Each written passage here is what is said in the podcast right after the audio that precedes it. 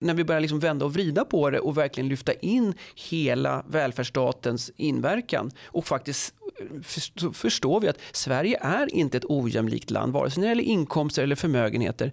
Eh, vi har valt det som att det ska vara så, men det är också det är en effekt av vårt skattesystem. Men att sen då vilja höja skatterna ytterligare för att vi har låga inkomst, låga, höga inkomstskillnader, det tycker jag blir en, en av de stora felaktiga slutsatserna.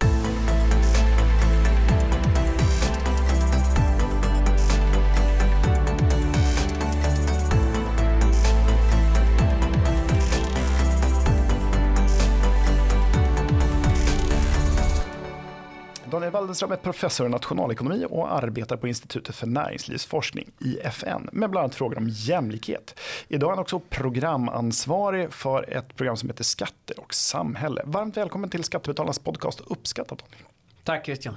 Trevligt att ha dig här. Eh, först och främst, vad är IFN för någonting?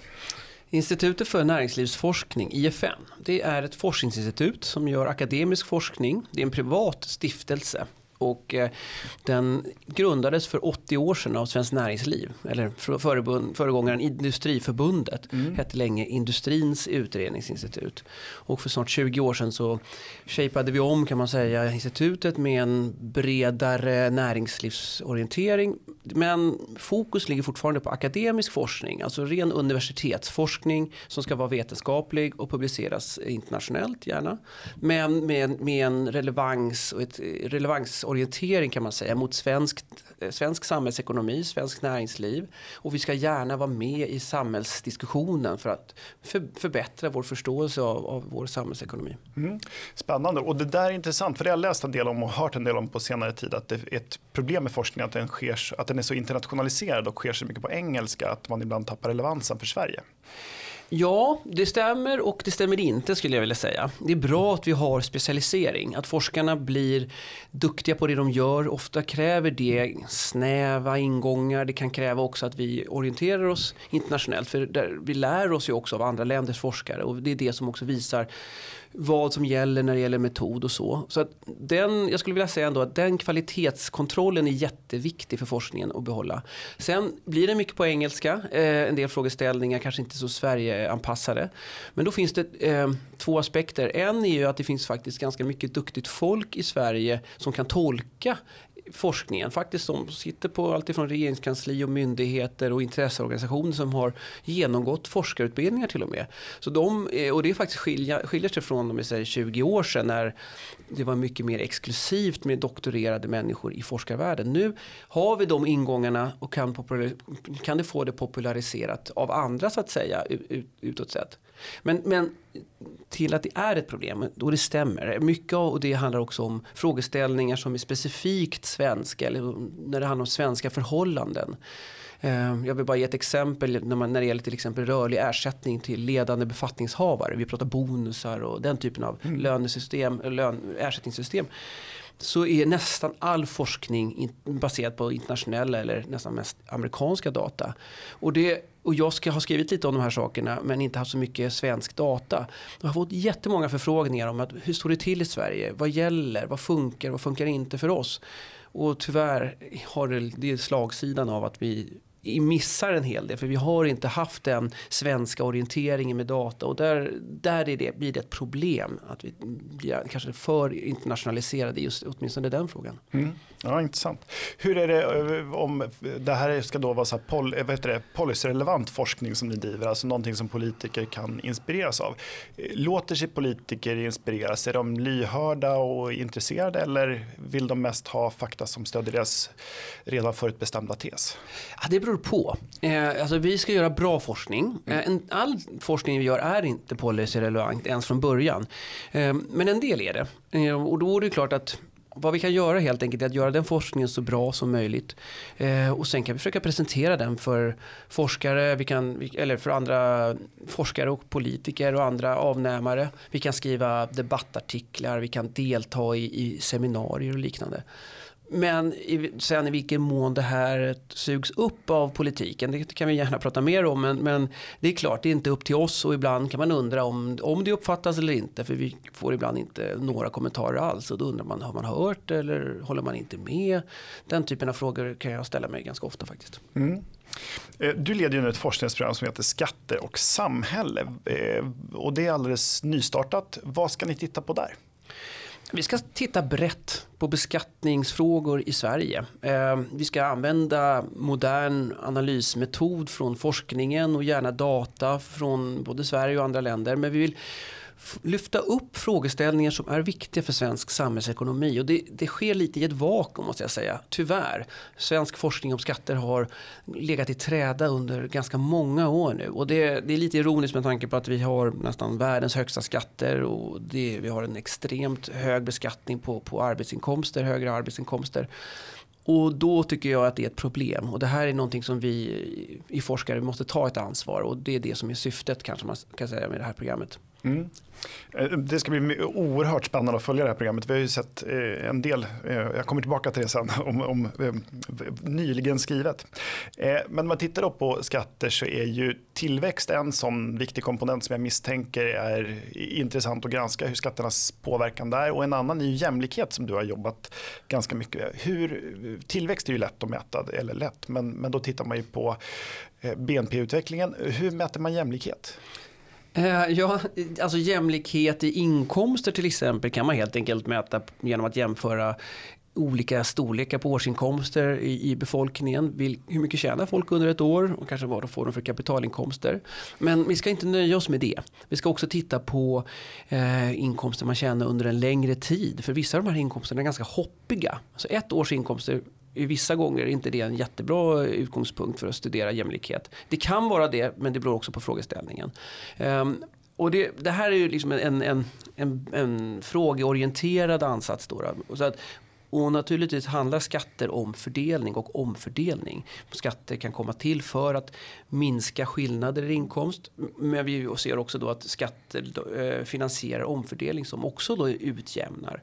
Vilken av dem är viktigast? Mm. Eh, och och här har faktiskt Sverige en modell där vi har orienterat sig mot att ha en mera bred skattebas eller en bredare insamling av, av skatteintäkter för att sen titta just på själva utgiftssidan, transfereringar och bidrag, stödsystem, offentliga välfärdstjänster. Att de blir viktiga för omfördelning, kanske mer än att ha väldigt hög skattenivå på, på höga inkomster, även om vi fortfarande har det till viss mån. Mm, mm. Nej, men, och det är väl som man eh, brukar konstatera när man ser de här eh, eh jämförelserna då mellan de som har tjänat mest respektive minst ett år så är det inte sällan de som toppar den här statistiken är väl också personer då som precis har sålt en villa eller en bostadsrätt.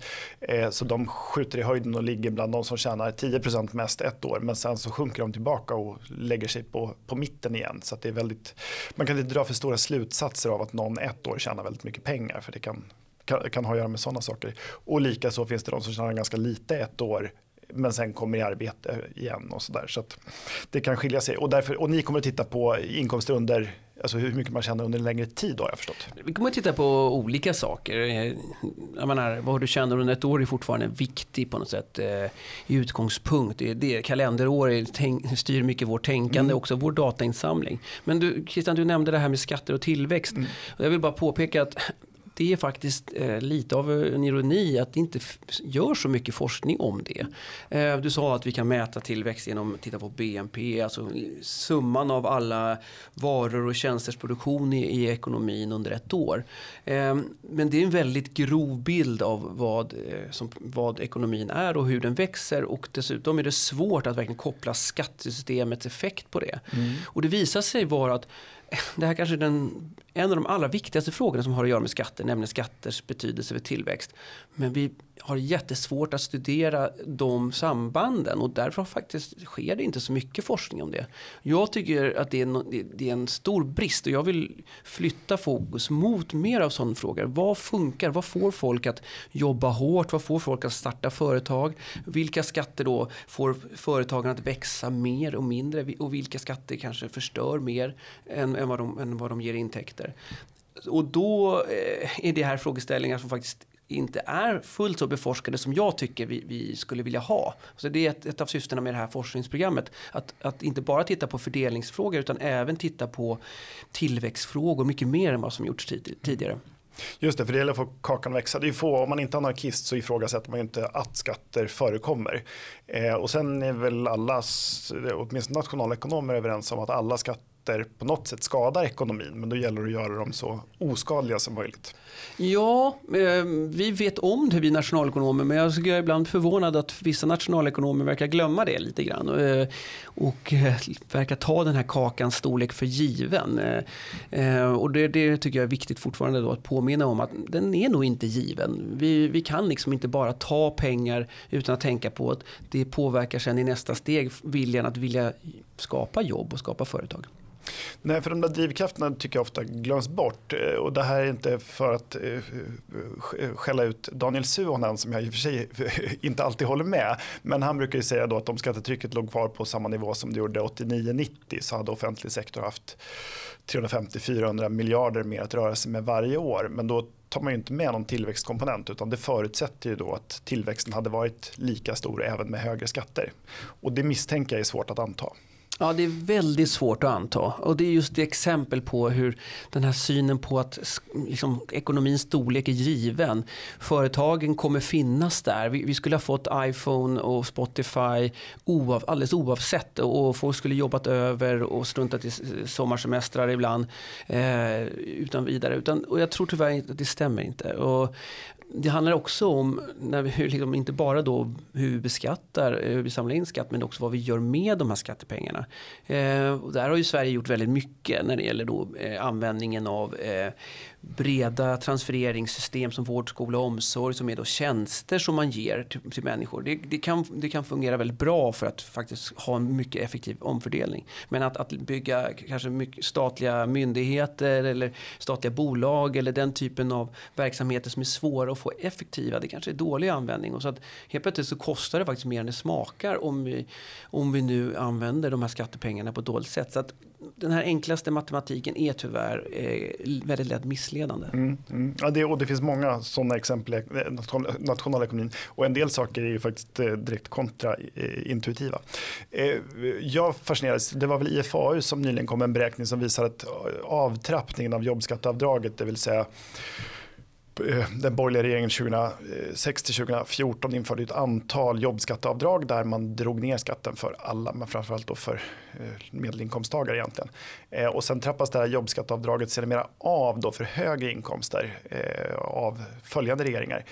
Men det visade sig att det direkt gav utslag på hur mycket de här människorna jobbade och att det här inte var lönsamt. Man tog alltså ut lite, lite högre skatt, 3 procentenheter var som mest från höginkomsttagare och det fick omedelbart effekten att de jobbade mindre visade sig.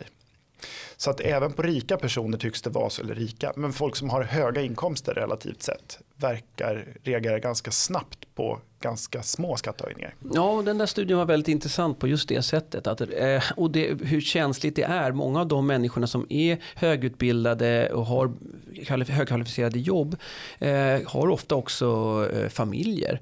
Eh, och man, man, kanske vill vara med sina barn och man dessutom måste tänka på sin fritid. Och den, den kalkylen eh, när du tänker på att du får betala både då eh, kommunalskatt och eh, statlig inkomstskatt men sen därutöver eh, arbetsgivaravgifter som blir nog naturligtvis ren skatt på marginalen.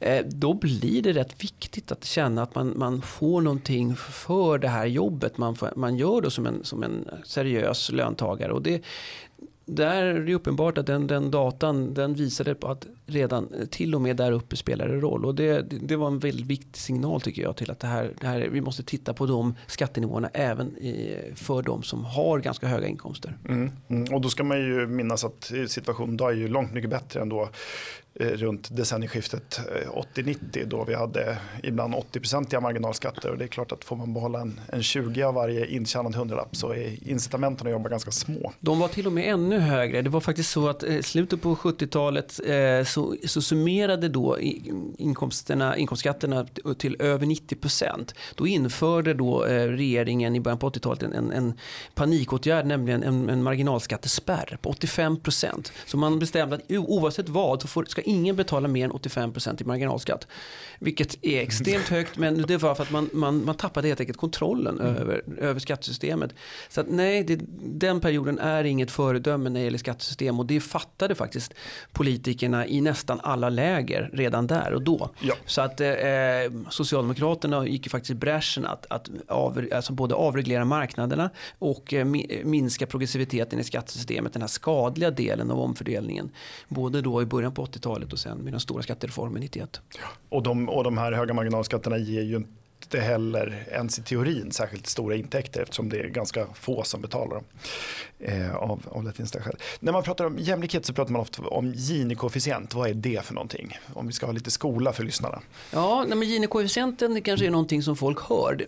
Det är ett mått eh, på inkomstspridning kan man säga. Eller det är ett statistiskt mått så att det kan vara nästan vad som helst som är spridning av. Men oftast använder det när det gäller årsinkomster. Oftast använder man det när det gäller Statistiska centralbyrån eller Finansdepartementet för att beräkna hur stora skillnader finns i hela befolkningen när man tittar på inkomsterna efter skatter och transfereringar.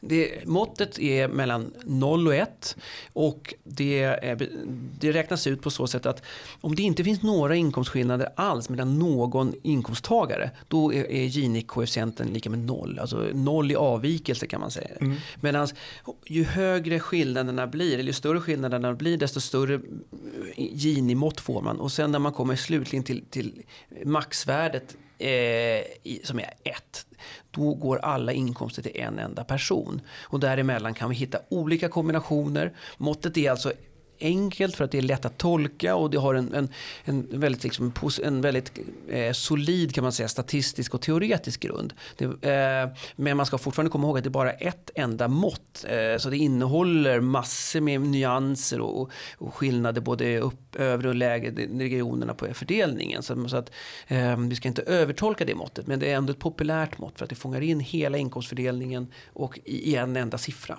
Just det. Och det pratas ju nu väldigt mycket om att ojämlikheten har ökat i Sverige och att eh, du senast så eh, var ju Socialdemokraternas paroll för sitt nya eh, arbete att göra Sverige till mer Sverige igen och det tolkade jag som en nostalgi lite tillbaka till 80-talet. Men eh, har klyftorna blivit större?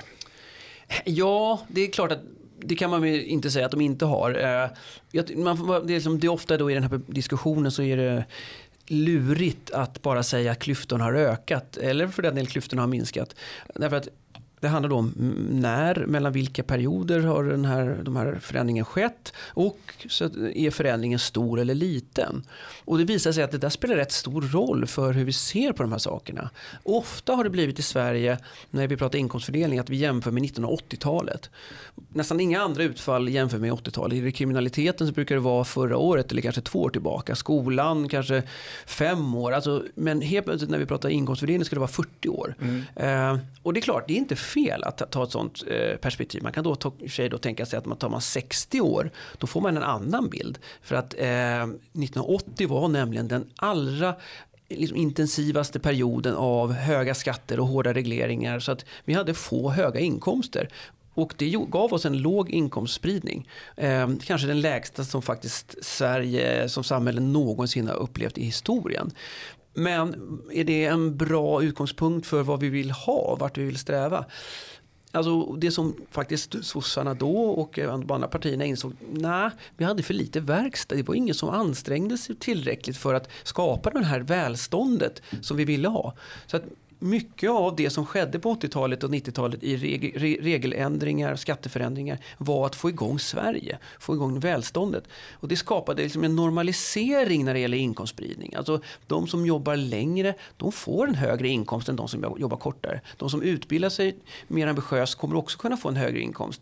Eh, även om då löneskillnaden i, mellan hög och lågutbildade är väldigt låg i Sverige, ska vi påpeka då. Men, men eh, den uppgången, så har det skett en uppgång sedan 1980-talet fram till idag. Den, eh, det, det, det, ska dock, den är rätt så kraftig i procenttermer. Men egentligen handlar det om att vi har blivit mindre onormala. Vi har liksom närmat oss de övriga nordiska länderna. Vi stack avväg från dem redan 1980. Men också övriga Europa.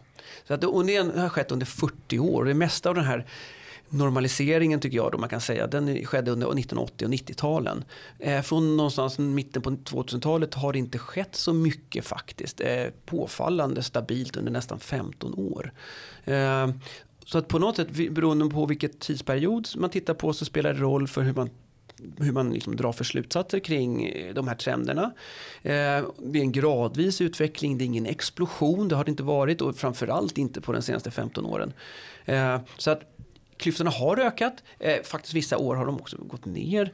Eh, men, eh, men och den, och den dessutom slutsatsen på de senaste 10-15 åren har det inte skett så där jättemycket faktiskt när det gäller inkomstskillnaderna i Sverige. Nej. Och, och vad ligger Gini-koefficienten på i Sverige idag?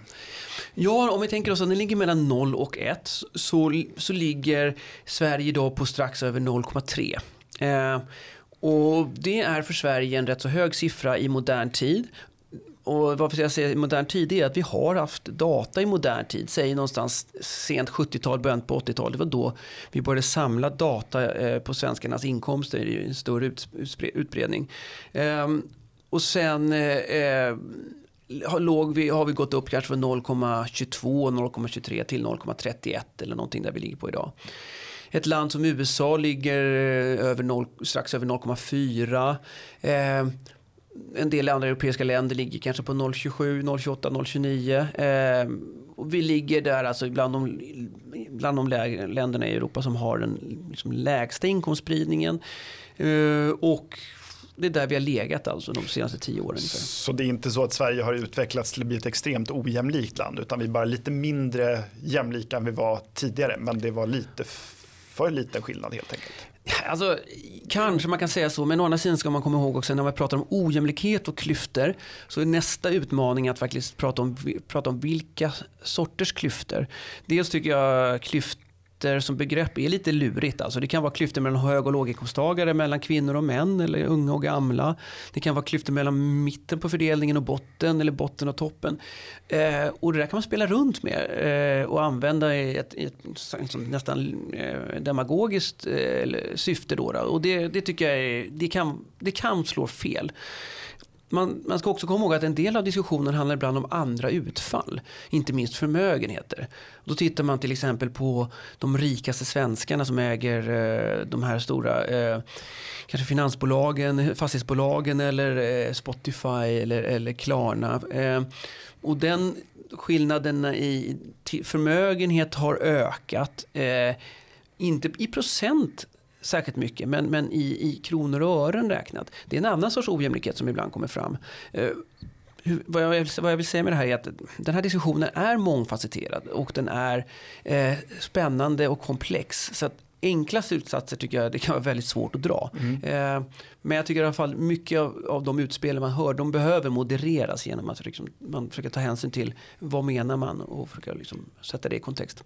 Just det, och när det handlar om sånt eh, stort ägande, till exempel när man pratar om ja, Spotify eller så, så är ju det ett, ett ägande i aktier. Det är ju inte realiserade, alltså det är inte pengar du har i plånboken utan i, i företaget. Och de, har ju, de flesta av dem har ju nu gått ner ganska mycket i värde. Så att det, därmed har ju jämlikheten i det måttet, måttet då ökat, måste det rimligen ha gjort, när aktievärdena sjunker. Ja, 2022 var ju ett, en jämlikhetsexplosion ja. eh, när Klarna, Klarnas miljardägare förlorade 85% av sin förmögenhet eh, under, under, 80, under 2022 så att säga. Nej, men så det, då har du helt rätt i. Sen, och du nämnde att det är eh, jämlikhet efter alltså hur stora inkomstskillnaderna är efter skatter och transfereringar. Men då tar man inte med eh, vad heter det? Andra skattesubventionerade tjänster som infrastruktur och eh, barnomsorg och sånt där. Nej men det där är viktigt och det där har vi pratat jättelite om i Sverige och faktiskt har vi pratat ganska lite om det i alla andra länder. Och vad jag menar här och vad du frågar om det handlar mm. om det här med vård, skola och omsorg framför allt. Det är i alla fall en specifik del av den offentliga utgiftssidan som, är, som handlar om, om välfärdstjänster. Offentligt subventionerade välfärdstjänster. Och i Sverige så är de rätt så stora. Vi, vi lägger ungefär tusen miljarder av skattebetalarnas pengar på att dela ut den här typen av tjänster till, till befolkningen. Och tanken med det är att göra det på ett, ett jämlikt sätt. Vi har liksom en egalitär grund för det. Alla har rätt till samma skola, de har rätt till samma vård eh, och äldreomsorg.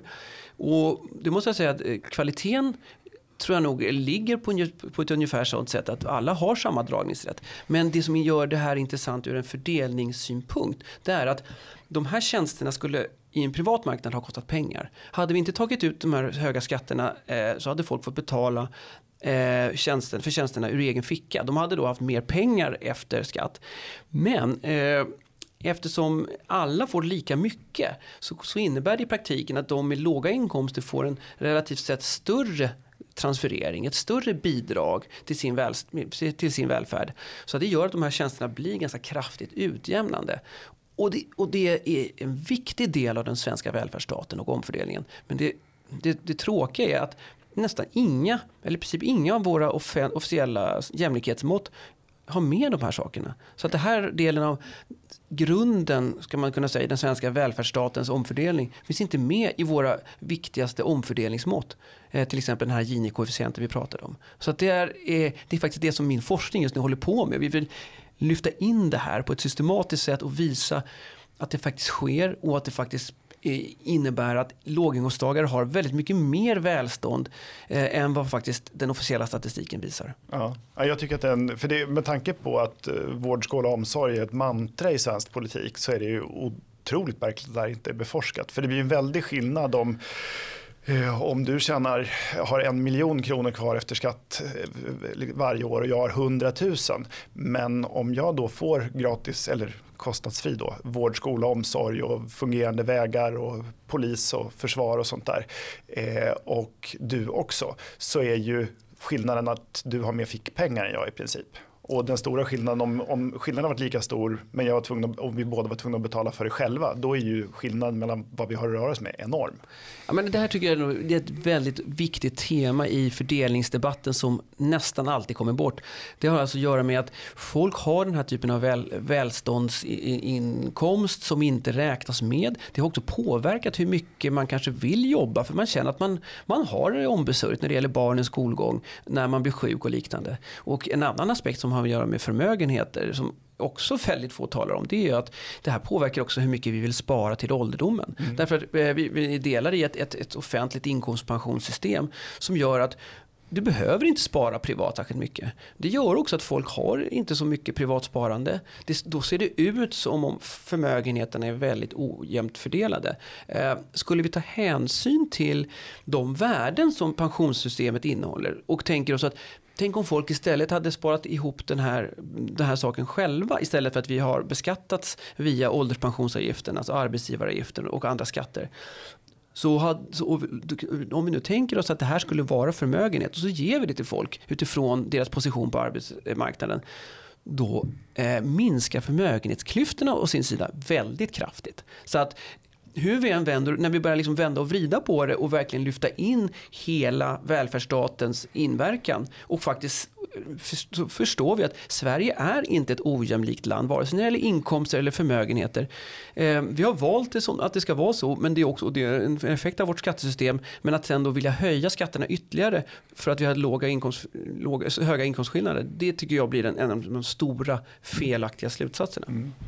Nej, och det, det, ska jag säga, det är inte min åsikt, men det är klart att man kan vilja ha en mycket större utjämning, även om det sker på bekostnad av, av tillväxt. Liksom. Det, det tror jag att flera på vänstersidan i politiken skulle vara helt ärliga med att de tycker att det är värt. Problemet är väl att man låtsas att det inte får några effekter alls, för det, det, det kommer att få. Men jag tänker debatten, när, nu när jag pratar med dig, debatten har ju inte låtit så här. Det har, tycker jag präglats av eh, Thomas Piketty och hans eh, forskning om att de rika bara blir rikare och dessutom är rika i, i många, många generationer och nu senast eh, Andrei Cervenka som, som fick Stora journalistpriset för sin bok Girig Sverige och där låter det ju tvärtom som att, som att vi har en eskalerande ojämlikhet i Sverige. Ja, och det är klart att eh, och det här är lite det jag pratade om eh, när det gäller liksom vilka perspektiv vi har på saker och ting. Alltså, eh, när det gäller väldigt framgångsrika entreprenörer så är det ju så att eh, de finns där ute. Och de har skapat företag eh, från ingenting. Eh, suttit på kammaren, funderat, jobbat eh, och har blivit framgångsrika. Särskilt i en globaliserad marknad som vi har idag, eh, vilket har gynnat oss välståndsmässigt enormt, så har de här blivit kanske världsledande och fått då, eh, företag som har vuxit och de har blivit privat sett väldigt rika. Är det ett problem? Har, har någon annan blivit fattigare på grund av det här? Och jag skulle säga nej. det är inte ett sånt problem, tvärtom. Jag personligen, jag, jobb, jag älskar att använda Spotify. Mina barn har spelat Minecraft. Eh, jag använder mm, smarta telefoner och eh, sökmotorer där ägarna faktiskt de facto har blivit rika. Och det har förbättrat mitt liv och det har inte tagit pengar från någon annan. Så det är den här bilden av ett nollsummespel tycker jag är gravt felaktig. Bilden att det här skulle vara girighet. Eh, när det handlar om framgångsrika företagare hade man hellre velat se misslyckade företagare. Mm. Där vi inte hade haft den här eh, eh, menyn av tjänster och produkter som, som i de här fallen är väldigt lätta att se värdet av.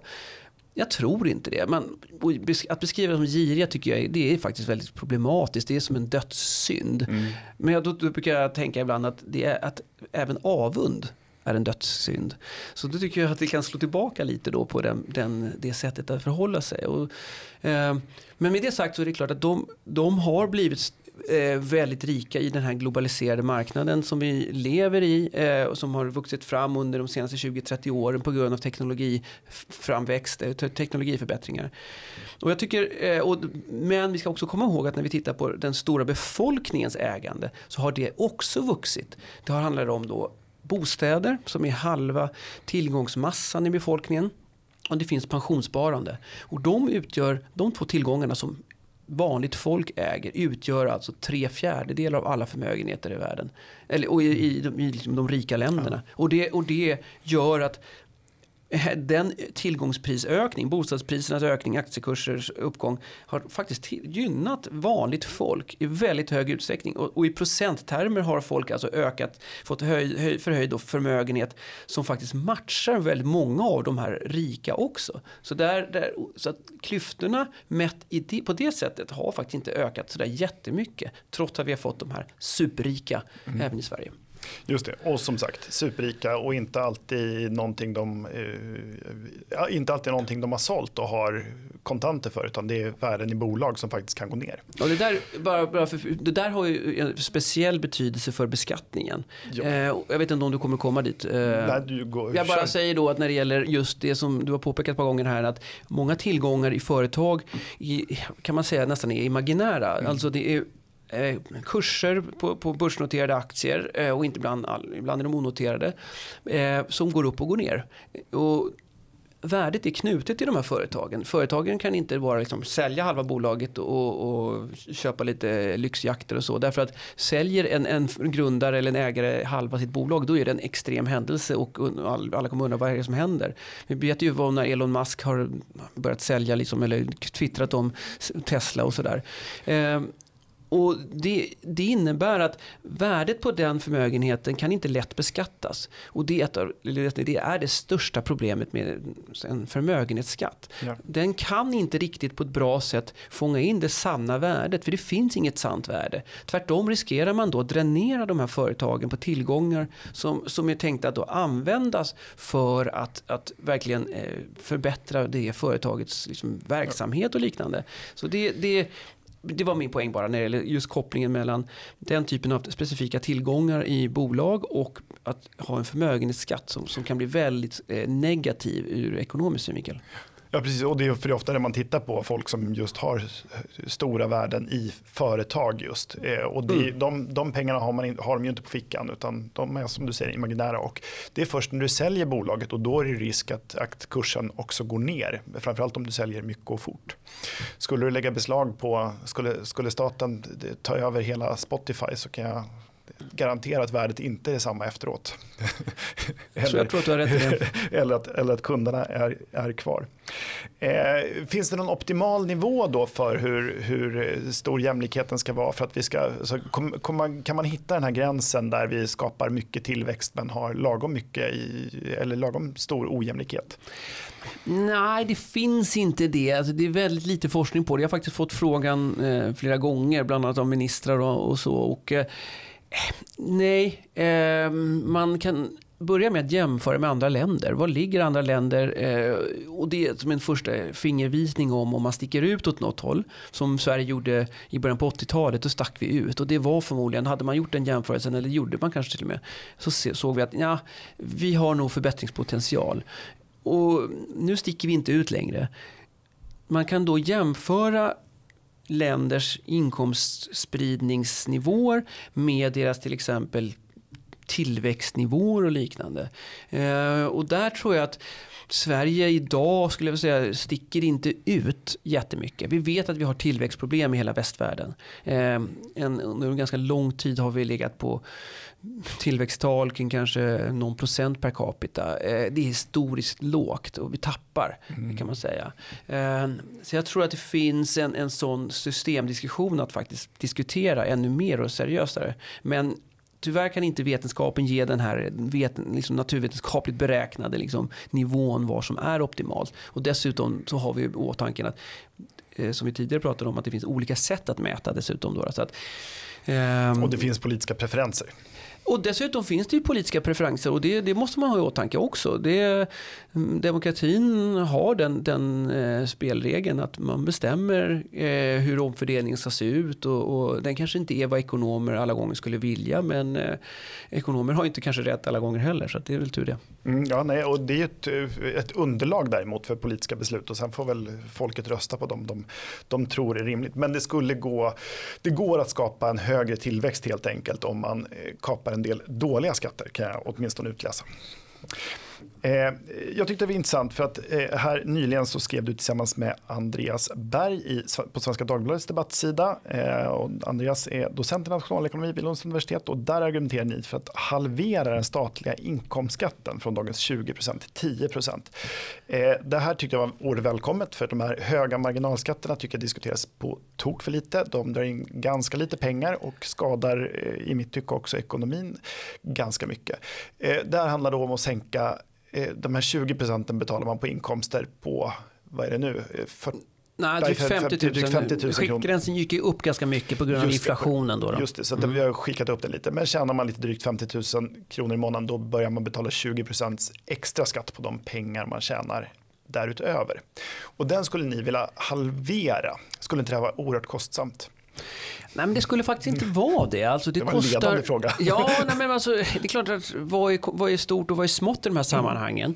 Mm. Um, om man tittade på förra året så drog eh, den här, den här delen av statlig inkomstskatt, ska vi, ska vi tänka, det många av lyssnarna kanske vet om att det finns en, en dryg 10% i statlig inkomstskatt som ligger i arbetsgivaravgiften. Eh, den ligger och den betalar alla. Och den betalar alla. Eh, men den här hög, medel och höginkomstskatten då kan man säga, den drog in 53 miljarder. Det är, det är ju pengar, det är verkligen pengar. Mm. Men hela skatteintäkten var 2004 400 miljarder. Så om vi skulle halvera den, om vi skulle göra det från toppen så att säga, eh, så skulle vi kanske inte få in 20 av de 53 miljarderna. Man kan räkna lite fram och tillbaka. Eh, och 20 miljarder det är ungefär lite drygt fastighetsskattens intäkter idag.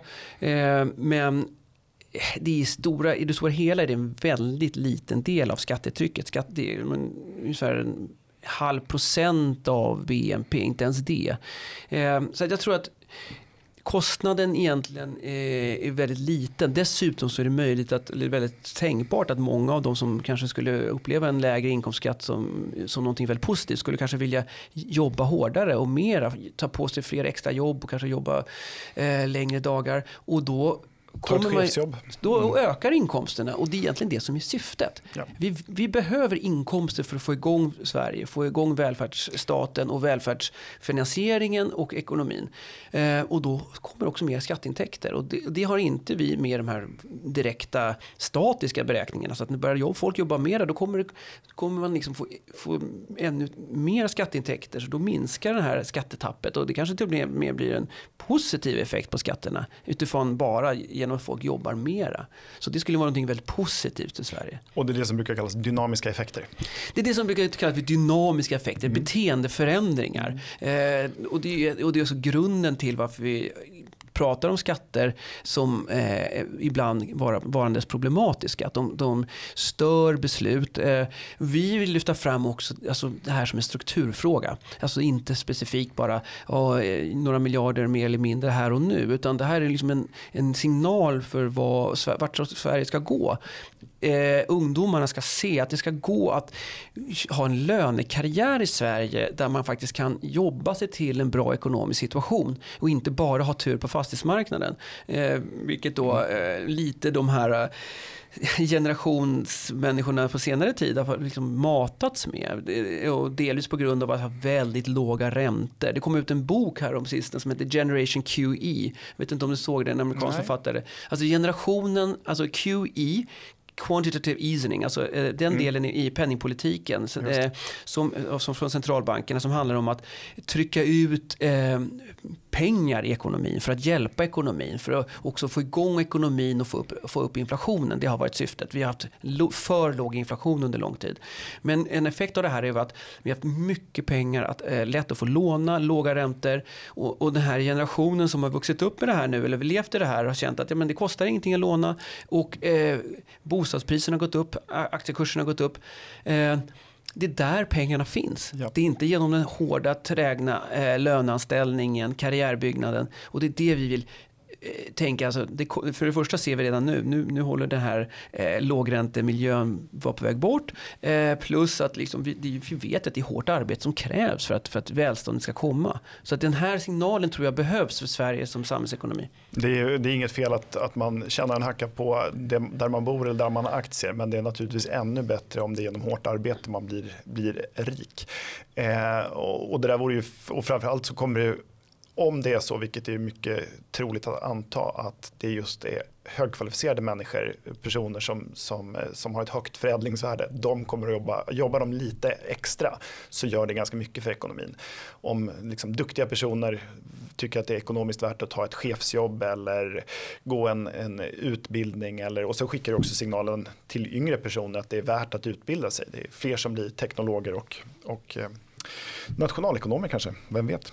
Vad kul, eh, jag måste bara fråga, varför bara halvera det? Varför inte ta bort den om, om det har så här fantastiska effekter? ja, det kan man fråga sig. ja. Eh, jag tror vi var väl eh, vi kanske inte var järva nog att föreslå att den skulle tas bort. Jag tror faktiskt att den var inte planerad i eh, skattereformen 1991 som genomfördes då i samarbete mellan Socialdemokraterna och Folkpartiet. Mm. Utan den slängdes in på ett väldigt sent stadium. Erik Åsbrink har skrivit om det här i en bok som eh, Mats Bergstrand gav ut för några år sedan, en antologi om, om den här skattereformen. Ehm, för att på något sätt så insåg sossarna att herregud, vi måste ju ha kvar någon progressivitet i skattesystemet. Och så det blev kanske inte fullt genomtänkt. För att tanken var annars att vi skulle inte ha de här skillnaderna mellan kapitalinkomsters beskattning och eh, arbetsinkomsters beskattning. För det kan skapa då inkomstomvandlingsincitament och liknande. Eh, Nej, så jag vet inte. Det, det beror ju liksom på. Det är ju någon politisk eh, vilja och vi kände väl inte att vi ville liksom ja, gapa efter för mycket. Eller liksom, det här handlar mer om att ha den här signalen. Att, mm. Men då gärna med följdfrågor, precis som du säger. Då, att, mm. Varför inte allting? Ja, vi tar det gärna som ett första steg eh, mot en fortsättning. Eh, vad spännande. Vad står näst på tur? Det här programmet eh, som du leder är ju ganska nystartat. Vad, vad ligger näst på agendan?